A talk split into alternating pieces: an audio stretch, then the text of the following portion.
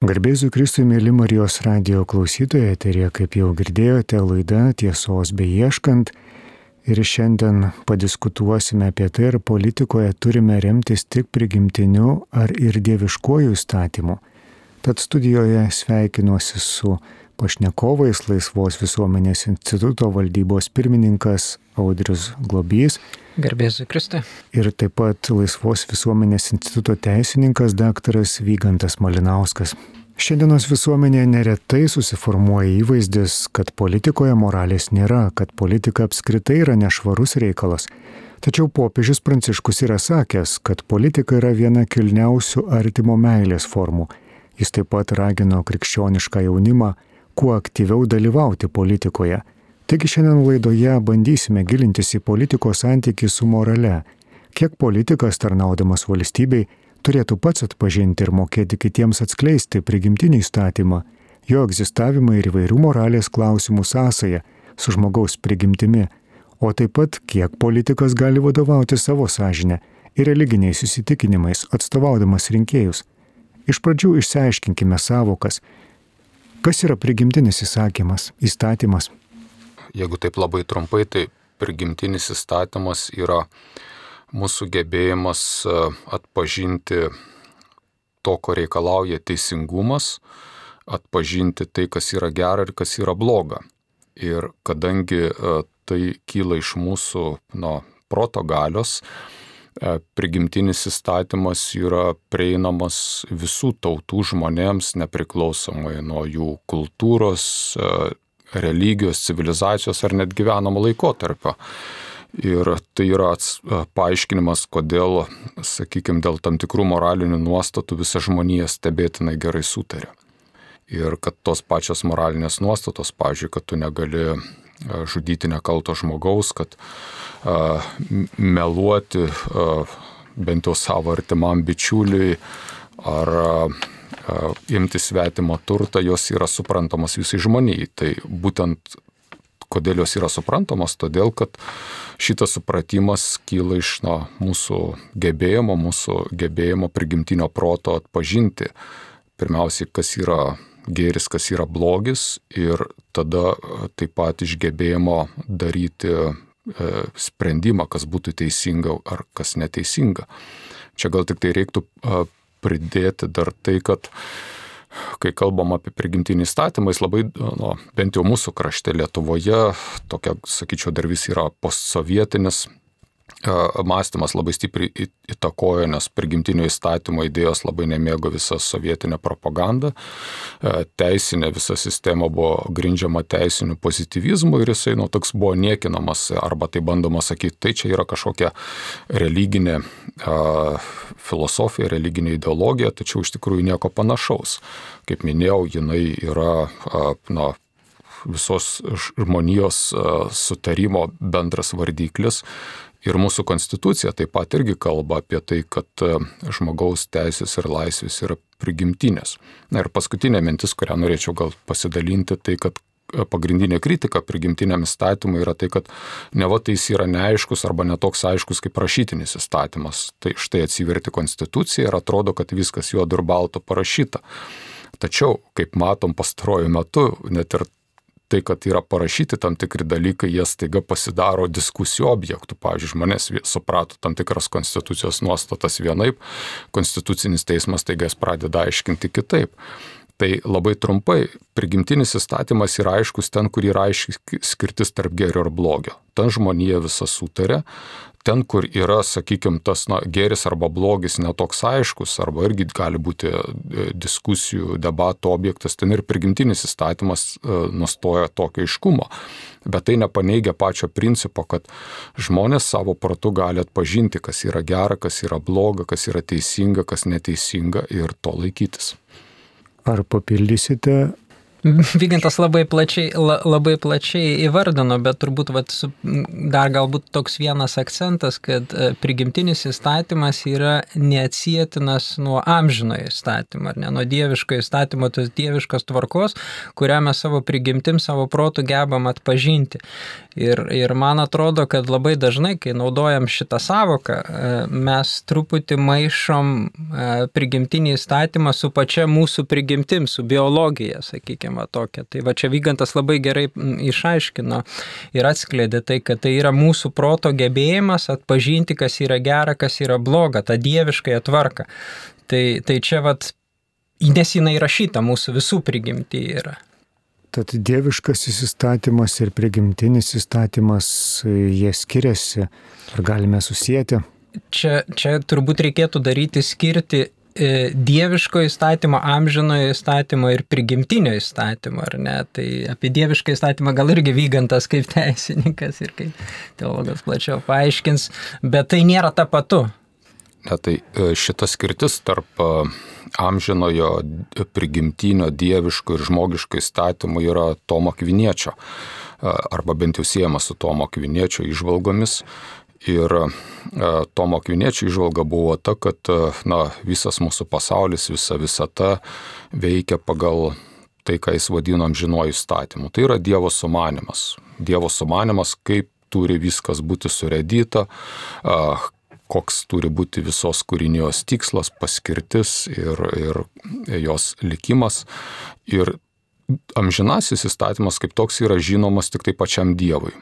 Tačiau, pasak Tomo Kviniečio, žmonėms jis yra prieinamas, nu, šiek tiek, sakykime, arba tam tikrą dalimi per prigimtinį įstatymą ar per dievišką įstatymą. Tai apie prigimtinį įstatymą kalbėjau, kad nu, mums, jeigu mes žvelgiame iš tikėjimo perspektyvos, yra Dievo įdėkta savybė mūsų protu pažinti gerį ir blogį. O dieviškasis įstatymas yra tas, kuris yra man prieinamas prie, per apreiškimą. Pavyzdžiui, sakykime, nereikia būti tikinčių, kad suprastum, kad žudyti ar kankinti nekaltą žmogų yra blogai, kad vokti, imti svetimą turtą yra blogai. Tačiau tam, kad suprastum, kad ką Dievas sujungia žmogus ten neišskiria, tam jau reikia prieškimo. Tas jau nėra mūsų protui savaime prieinama. Arba, pavyzdžiui, šves sekmadienį jau irgi būtų dieviško įstatymo pavyzdys. Jo, vat sakramentinė santoka turbūt vat jinai būtent tas santokos e, neiš, ne, neišskiriamumas yra vienas iš tokių e, plačiai visuomeniai labiau suprantamų dieviškų įstatymo, įstatymo pavyzdžių. Ta prasme, ką, kaip viešpat sakė, ką, ką, ką Dievas sujungia, žmogus ten neišskiria, ar ne? Ir kad jo, vat tas, tas, tas dieviško įstatymo, įstatymo dalis. Klausytojams turbūt aiškiau tapo diferenciacija ir apibūdinimas. Dar yra vienas dalykų, įstatymas, dar taip, vienas dar yra įstatymas. Galbūt kalbate apie amžinai įstatymą ar nuodėmę. Taip, taip, taip. Gal tai galėtumėte yra... paaiškinti? Nuodėmės įstatymas irgi yra dar vienas, iš tikrųjų, va, tai tie keturi įstatymai, ar ne, yra, yra amžinasis įstatymas, prigimtinis įstatymas, dieviškasis einantis iš, iš, iš apreiškimo ir nuodėmės įstatymas. Čia paštalas Paulius laiškė romiečiams, aš galiu net pacituoti, va, jis, jis ką sako, aš žinau, kad manyje tai yra mano kūnė gyvena gėris Mat aš sugebu gero trokšti, o padaryti ne. Aš nedarau gėrio, kurio trokšto, darau blogį, kurio nenoriu. O jeigu darau, ko nenoriu, tada nebe aš tai vykdau, bet manyje gyvenanti nuodėmė. Taigi aš randu tokį įstatymą, kad kai trokštų padaryti gerą, prie manęs prilimpa blogą.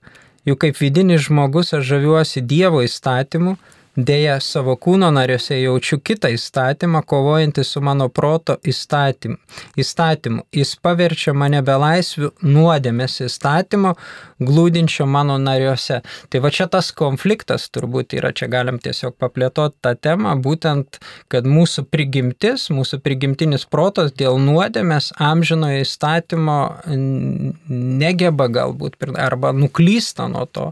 Ir mūsų viduje veikianti nuodėmė po nuopolio, tarsi mumise atsiranda tam tikras toks įtrukis, kuris mus kreipia į nuodėmę, ar ne, vad kaip apaštalas Paulius sako, trokštų gero, bet darau blogą, ar ne, toks vat, tas, tas konfliktas, kuris mumise yra ir tam tikras toks vidinis įtrukis. Tai va mes turim iš tikrųjų tos keturis įstatymus.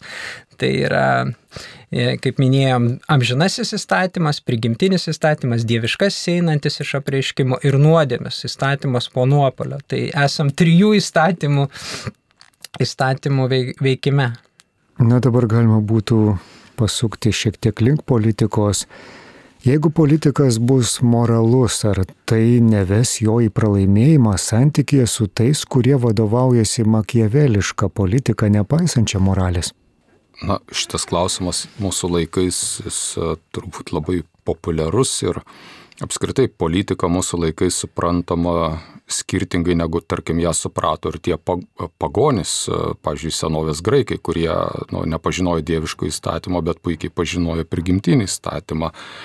Tai senovės graikams politika buvo garbingas, garbingų piliečių užsiemimas kad kiekvienas save gerbintis pilietis graikų požiūriu turėjo dalyvauti politikoje ir jeigu tu užėmėjai pareigą susijęs su politika, tai yra polio arba graikų valstybės, graikų miesto reikalais, tai tu buvai labai gerbiamas ir, ir vertinamas dėl to, nes, nu, vadinasi, tau galima patikėti visų bendrapiliečių likimą. Kodėl mūsų laikais tas iš viso kyla klausimas, kad štai vat, liktai yra perskir arba net praraja tarp, kai kuriem atrodo, tarp politikos ir moralės, Tai manyčiau, kad viena iš priežasčių yra na, mūsų laikais įsigalėjęs moralinis relativizmas, kur atsirado toks na, vyraujanti nuomonė, sakyčiau, arba įsitikinimas, kad nėra visiems žmonėms bendrų moralinių dalykų, kad kiekvienas žmogus turi savo atskirą moralę. Ir, o jeigu nėra bendros moralės, tai vadinasi, tada ir iš viso moralės nėra, nes moralė yra uh, iš tai savo esme, kas nu, nepriklauso nuo tavo pasirinkimo. Jeigu nėra moralės, tai belieka interesai. Ir tada, nu, net ir patys politikai labai dažnai tenka išgirsti juos kalbant ir net teismai kalba, kad, nu, kalbama ne apie kokias nors, sakykime, moralinės politiko ar politikoje dalyvaujančios mens pareigas, bet tiesiog apie taip vadinamą interesų derinimą. Nu, viena visuomenės grupė turi vienus interesus, e, kita visuomenės grupė turi kitus interesus politikas, norėdamas, sakykime, gauti paramos savo interesų e, įtvirtinimui valstybės teisinėje sistemoje, jis turi nu, kalbėti su kitais, kažkokius vykdyti mainus, eiti į kompromisus arba pažadėti kokius nors balsavimus. Ir visa tai atrodo kaip iš tikrųjų, kad na, politikoje nebelieka jokios moralės, yra vien tik tai kažkokia a, interesų kova arba kombinacijos, tai apie ką kalba taip vadinama lošimų teorija, kur, sakykime, kaip kokie nors lošėjai, jie e, turi skaičiuoti savo įimus ir priekį ir, ir bandyti, bandyti pasiekti savo rezultato. O atsakant jūsų klausimą, ar tada, sakykime, jeigu dar bandai būti moraliu politikoje, e, ar galiausiai pralaimėsi tiem, kurie laikosi makeveliškos filosofijos, e, Čia turbūt atsakymas būtų priklauso. Kai kur gali pralaimėti, kai kur gali laimėti. Makeveliškos tokio pasaulyje žiūros ar, ar mąstymo problema yra tai, kad jinai negali išeiti į dienos šviesą. Politikas, kuris elgesi makeveliškai, jis vis tiek turi atsistojęs prieš kamerą ar, ar Seimo salėje, jis turi vaizduoti tarsi jisai tai, ką siūlo, yra moralu, tai kyla iš teisingumo reikalavimų ir panašiai tam politikui, kuris e, laikosi moralinių principų, jam nereikia veidmainiauti. Ir vis tiek visuomenė, jinai, na, turi tą jausmą kad e, visuomenė jausdama, kad e, jeigu politiko, sakykime, visas strategija yra paremta tam tikrą manipulaciją, kažkokių privačių jo ar jo atstovauja asmenų interesų prastumimu, tai to politiko, sakykime, populiarumas ir reitingai jie ilgai netveria. Bet jeigu visuomenė yra jausmas, kad šitas politikas uh, stengiasi daryti tai, kas teisinga, nepriklausomai nuo to, ar jam tai naudinga ar ne, tai aš manau, kad ilgainiui tai duoda tokius tvarius dividendus. Ir aš dar, aš dar gal papildant Vygantą, manyčiau, kad makiaveliška politika iš tikrųjų yra labai pavojinga. nes jinai ilgalaikiai veda į totalitarizmą. Nes ir čia labai priklauso nuo to, ant kiek, kokiam, kokiu masteliu makiaveliška politika gali kaip sakyti, vyrauti valstybei labai priklauso nuo pačios visuomenės, nuo jos reakcijos, ant kiek jinai leidžia ir ant kiek jinai reaguoja ir ant kiek jinai pasiduoda toms manipulacijoms. Gerą pavyzdį mes turim, sakykime, Baltarusijai. Ar ne, vat, turim, turim pavyzdį kaimininiai valstybei, kurioje daugelį metų valstybė valdo, galim sakyti, nu, makiaveliškos politikos toks pavyzdys Lukašenka, ar ne? Ir visuomenės tam tikrų momentų nereagavimas, ar ne, nu, nesugebėjimas reaguoti ir nesugebėjimas padaryti tą politiką nepajėgę, ar ne, užvaldyti visuomenės, privedė prie to, kad po to visuomeniai faktiškai išstumti tokią politiką yra nu, labai sudėtinga. Tai va šitoj, šitą, man atrodo, yra na, labai svarbu kad visuomenė atpažindama, jeigu jos politikai, tam tikri politikos lyderiai manipuliuoja, elgesi makiaveliškai, kad jinai reaguotų tom demokratiniam priemonėm, kurios yra leistinos. Tai yra protestas ir aišku pagrindinė, pagrindinės priemonės tai yra rinkimai. Ta prasme, dėja, dėja, nemažai politikų naudoja, naudoja tą, tą kaip sakyti, tikisi, kad naudodami tas priemonės, vat, būtent makiaveliškas priemonės, kaip Vygantas čia minėjo, interesus ar nederindama interesus siekdama, telkdama galę, kad sugebėtų įgyti kuo galima didesnę e, valdžią, ta prasme siekia, siekia, siekia tų, tų rezultatų, politinių rezultatų. Bet aš manau, kad mums kaip krikščionim, ar ne, pagrindinis tikslas turėtų būti, va čia ir iš tikrųjų tai yra tuo pačiu ir labai didžiulis iššūkis, nes mes gyvenam tokioj relativistiniai e, visuomeniai, kurioje nebėra tiesos. Bet politikoje irgi vienas pagrindinių principų iš tiesų turėtų būti tiesos tiesos paieška, ar ne? Nu, nes iš tiesų nėra paprasta atpažinti, kas toj situacijoje yra teisinga, kaip teisingai priimti tuos sprendimus, nes nu, patys įstatymai, jie remiasi, jie turėtų remtis į prigimtinių įstatymų, bet, nu, vat, kaip ir mūsų bažnyčia moko, bet Bet pati eiga įstatymo, patys principai sudėliojimas remiasi statosi ant žmogaus išminties pagrindo, ta prasme, ant to protingumo, kaip protingai tą viską sudėlioti.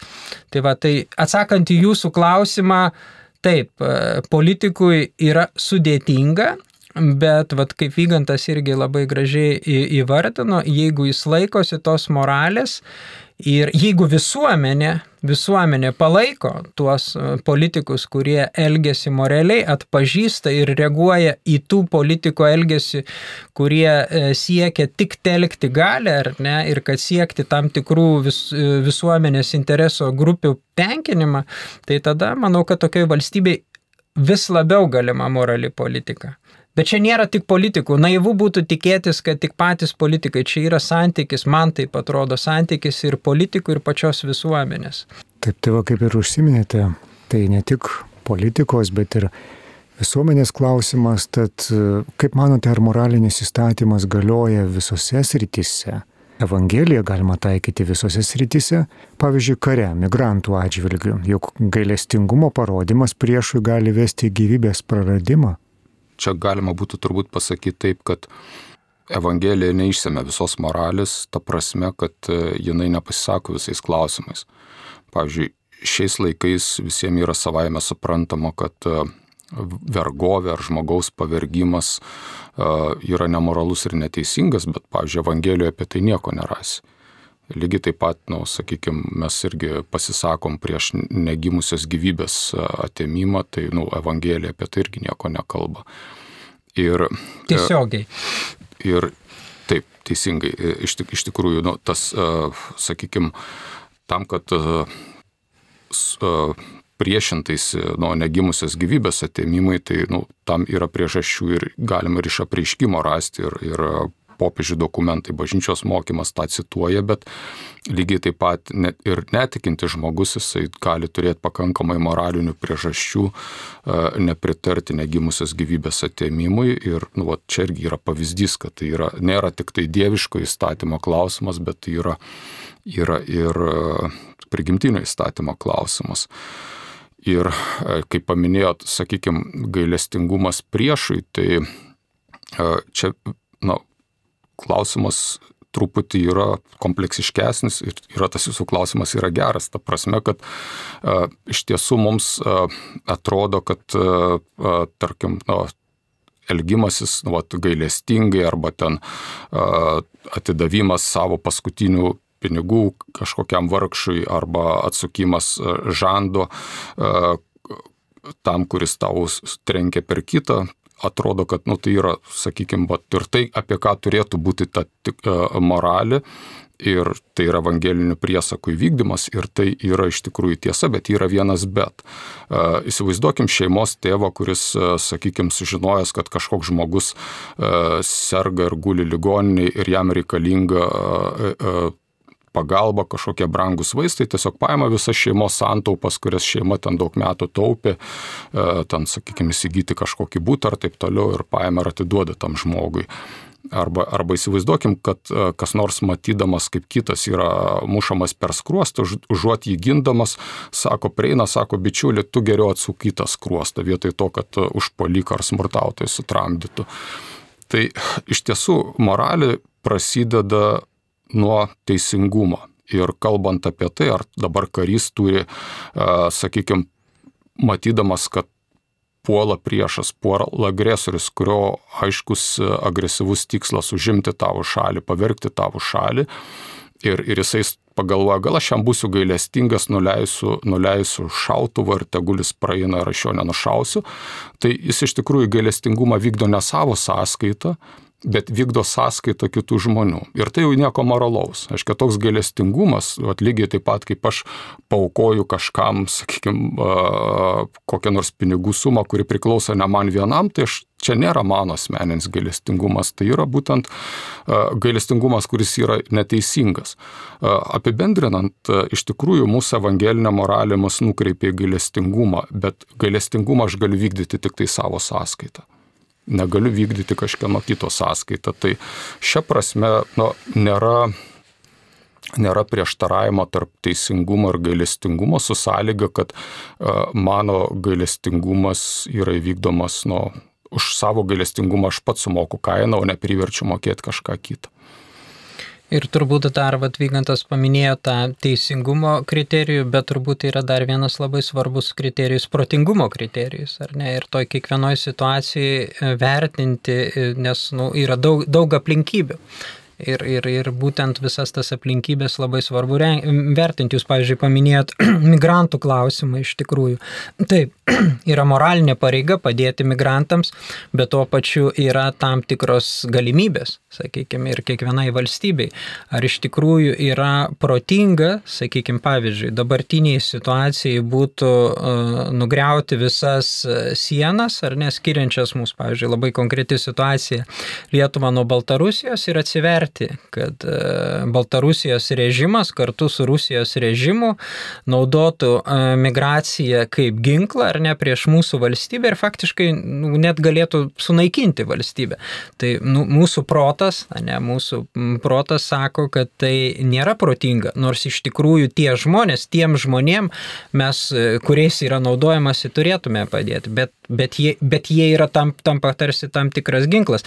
Ir tai yra begalė tokių situacijų ir pačiu pačiu va dabar Europos Sąjungoje daugelis, ne, nemažai šalių pradeda susivokti, kas, kas įvyko, visiškai, kaip sakyti, atsivėrus, negebant suvaldyti tų srautų, migracijos srautų, kurie užplūsta tas šalis ir nebesugebant integruoti, ar ne, ir tos pasimės. Ir tai anksčiau ar vėliau prives prie tokių pat, prie blogų pasiekmių ir tų migrantų atžvilgių. Nes nu, valstybė nebepajėgs jų taip išlaikyti, nebepa, nebepajėgs jų integruoti į visuomenės, tai tiesiog tam tikri sprendimai yra nu, neprotingi. Ir, ir, ir žmogus, Dievas yra davęs mums protą, ar ne, kuris vad geba atpažinti, kas yra teisinga, kas yra gera, kas yra bloga.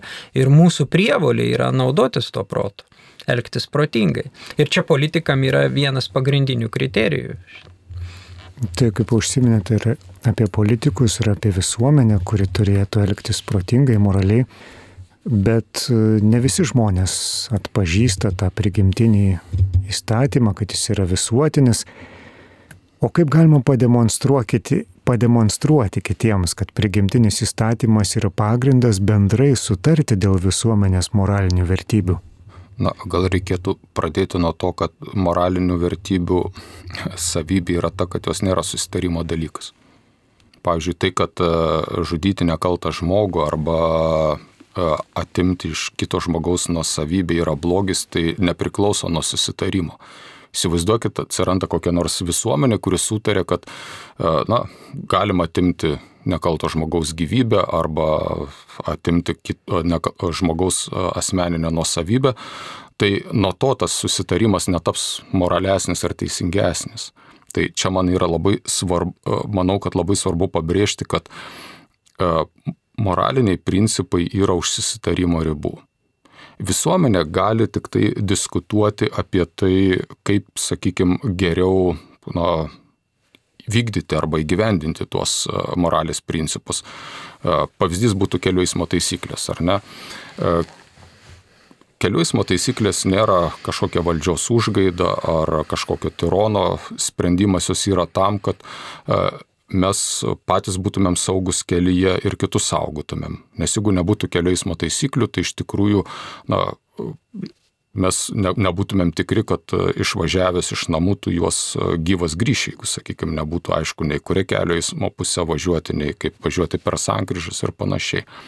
Tai moralinis įstatymas arba prigimtinis įstatymas mums sako, kad turime saugoti savo ir kitų sveikatą ir gyvybę kelyje. Bet kokiu būdu saugoti, čia jau gali būti diskusija, čia yra susitarimo dalykas. O visuomenė susitarė arba per savo atstovus sutarė, kad turi būti tam tikras greičio ribojimas, turi būti tam tikros važiavimo taisyklės ir panašiai. Ir čia galima tik tai būtų pasakyti, kad e, taip, neišvengiamai visuomeniai yra žmonių, kurie nu, nėra linkę laikytis e, moralinių taisyklių, e, labai dažnai iš savanaudiškų paskatų. Bet vėlgi, tai nėra e, tas atvejis, čia būtų kitas atvejis, yra tam tikra grupė žmonių, kurie nu, iš viso nejaučia moralės, sakykime, bet čia tokia, sakykime, jau patologinė situacija bet net ir tas uh, žmogus, kuris, nu, va, šiandien paskaičiau straipsnį, kaip problema Londone, kad tiesiog uh, yra organizuotas nusikalstamumas, stebi žmonės, kurie neš, uh, vaikšto su brangiais laikrodžiais ir tiesiog juos užpuola, grasindami peiliais, mačėtam tuos atiminėja. Uh, Ir jiem tai žurnalistas iš vienų ėmė interviu, jis nejaučia jokių ten sąžinės priekaištų dėl to. Bet kita vertus, jeigu tu iš jo paties paimtum, kas jam priklauso, taigi jis būtų labai nepatenkintas ir labai piktas. Tai kitaip tariant, tas toksai na, moralės nesilaikimas tai yra na, iš esmės dvigubų standartų taikymas. Aš vis tiek pageidauju, kad mano atžvilgiu laikytųsi moralės, net ir vagis nenori būti apvoktas arba smurtautojas nenori būti sumuštas, bet tiesiog aš leidžiu savo nesilaikyti kitų atžvilgių. Tai tas nesilaikimas nepaneigia moralės kaip tokios faktų. Ir vis tiek turbūt ir iš, ir iš istorijos žinom, kad vat, tas, kas netitinka prigimtinio įstatymo ar nu, amžino įstatymo, atpažįstama mūsų proto ir tie susitarimai arba, nu, dažniausiai net nesusitarimai, bet e, valdžios naudojant galę primesti arba įdėkti visuomeniai, jie anksčiau ar vėliau žlunga. Kodėl žlunga? Dėl to, kad mūsų prigimtis, mūsų protas atpažįsta, kad tai yra kažkas nu, netikro, netitinka tos dieviškosios tvarkos ir, ir visuomenė sukyla prieš tai, ar ne? Jos priešinasi tam, jeigu, pa, je, aišku, jeigu paėgia. Ir, ir net ir dabar, vat, sakykime, net ir tose visuomenėse, sakykime, kaip ir vat, mūsų kaimininė Baltarusija visiškai ne, ne, nesenai regėjom, ar ne, kiek be, be manipuliuotų, bet tas netiesos buvimas, tas netiesos primetimas visuomeniais anksčiau ar vėliau vis tiek nu, iššaukia visuomenės tam tikrą nepasitenkinimą ir visuomeniai atsiranda asmenybės, kurios nu, kelia visuomenę prie prieš tai. Tai, tai manau labai panašiai ir su moralė, ar ne? Ypatingai va dabar gyvenant tą moralinio relativizmo sakykime, to mąstymė, ar ne, arba toj, sakykime, toj tokio formuojamoje tam tikroj paradigmoje, tai yra tik tai tam tikro laikotarpio. Aš nu, beveik esu tikras, kad e, po tam tikrų eksperimentų, socialinių eksperimentų, visuomenės nemaža dalis atpažins pajusdama pati asmeninės pasiekmes ir tada ieškos iš to išeičių. Ta, ta prasme, tas, kas netitinka amžinojo įstatymo, kas netitinka dieviškos tvarkos, anksčiau ar vėliau griūva. Ta prasme, visuomeniai neatsilaiko tame, nes nu, tiesiog tai yra priešinga mūsų prigimčiai, priešinga tai tvarkai, kurią, mums, kurią mumise yra įdėgęs Dievas. Tai šioje vietoje turbūt dar galima pasigilinti į dievišką įstatymą Pavyzdžiui, prieiškimas ne tik padeda geriau pažinti prigimtinį įstatymą, bet ir ragina peržengti savo prigimtį, suteikdamas malonę tai padaryti. Kūno geismai priešingi dvasiai, o dvasios kūnui. Dvasia, dvasia marinkite kūniškus darbus, rašo Šventasis Paulius. O ar galima sakyti, kad prigimtinis įstatymas yra tam tikras moralės minimumas, kurį dieviškasis įstatymas pranoksta? Manau, kad ne. Ir nu, čia Tomas Akvinėtis e, būtų autoritetas šitoje vietoje. Sakykime, problema yra truputį kita ir Tomas Akvinėtis ją taip įdomiai formuluoja. Jo klausimas yra štai koks. Jisai e, ir teologijos sumai savo pagrindiniam veikale kelia tokį klausimą, kad sako, jeigu yra prigimtinis įstatymas, kitaip tariant, jeigu mes galime atpažinti, kas yra gera ar bloga ir tada mums įgimtų imperatyvų gerą daryk, blogio venk, e, žinoti, kas yra teisinga, kaip turime elgtis. E, jeigu mes tai turime, ar mums dar yra reikalingas dieviškasis įstatymas?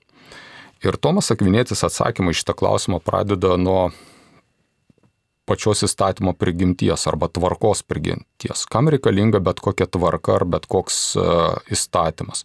Tomo Akviniečio atsakymas yra tam, kad mums būtų prieinamas tam tikras gėris. E, pavyzdžiui, kel, vėlgi minėtos kelių eismo taisyklės yra reikalingos tam, kad nu, mes būtumėm saugus. Geris e, yra saugumas. E, Sakykime, įstatymai saugantis žmogaus gyvybę arba nuosavybę irgi yra tam, kad nu, žmonių nebūtų atimtas tas geris. Įstatymai numatantis, tarkim, privalomą mokyklinį ūkdymą yra irgi reikalingi tam, kad būtų pasiektas tam tikras geris išsilavinimas. Ir tol, kol tas gėris mums yra suprantamas ir atpažįstamas, tol iš tikrųjų mums užtenka prigimtinio įstatymo. Ir Tomo Akviniečio atsakymas yra štai koks. Jeigu mūsų likimas būtų skirtas tik šiam pasauliui, Ir mes tada e, nu, savo prigimtiniu protu at, uh, sutinkam, kas yra gera, kas yra bloga, uh, tą atpažįstam, tai suprantam, tai mums tada turėtų užtekti prigimtinio įstatymo. Bet kadangi pasak Tomo Kviniečio mes esam skirti ne tik šiam pasauliui, bet ir e, kitam pasauliu amžinybei ir esam skirti dalykams, kurių akis neregėjo, ausis negirdėjo, kurie į galvą netėjo, mums čia jau nebeužtenka prigimtinio įstatymo. Kitaip tariant, mes negalim to dabar išvelgti gėrio. Vat atrodo labai sunkus ir labai kietas Dievo įsakymas, kad Dievas jungia žmogus ten neišskiria. Ar ne? Turim daugybę porų, kurios nu, dėl kažkokių priežasčių išsiskyrė ir norėtų sudaryti antrą santoką ir negali.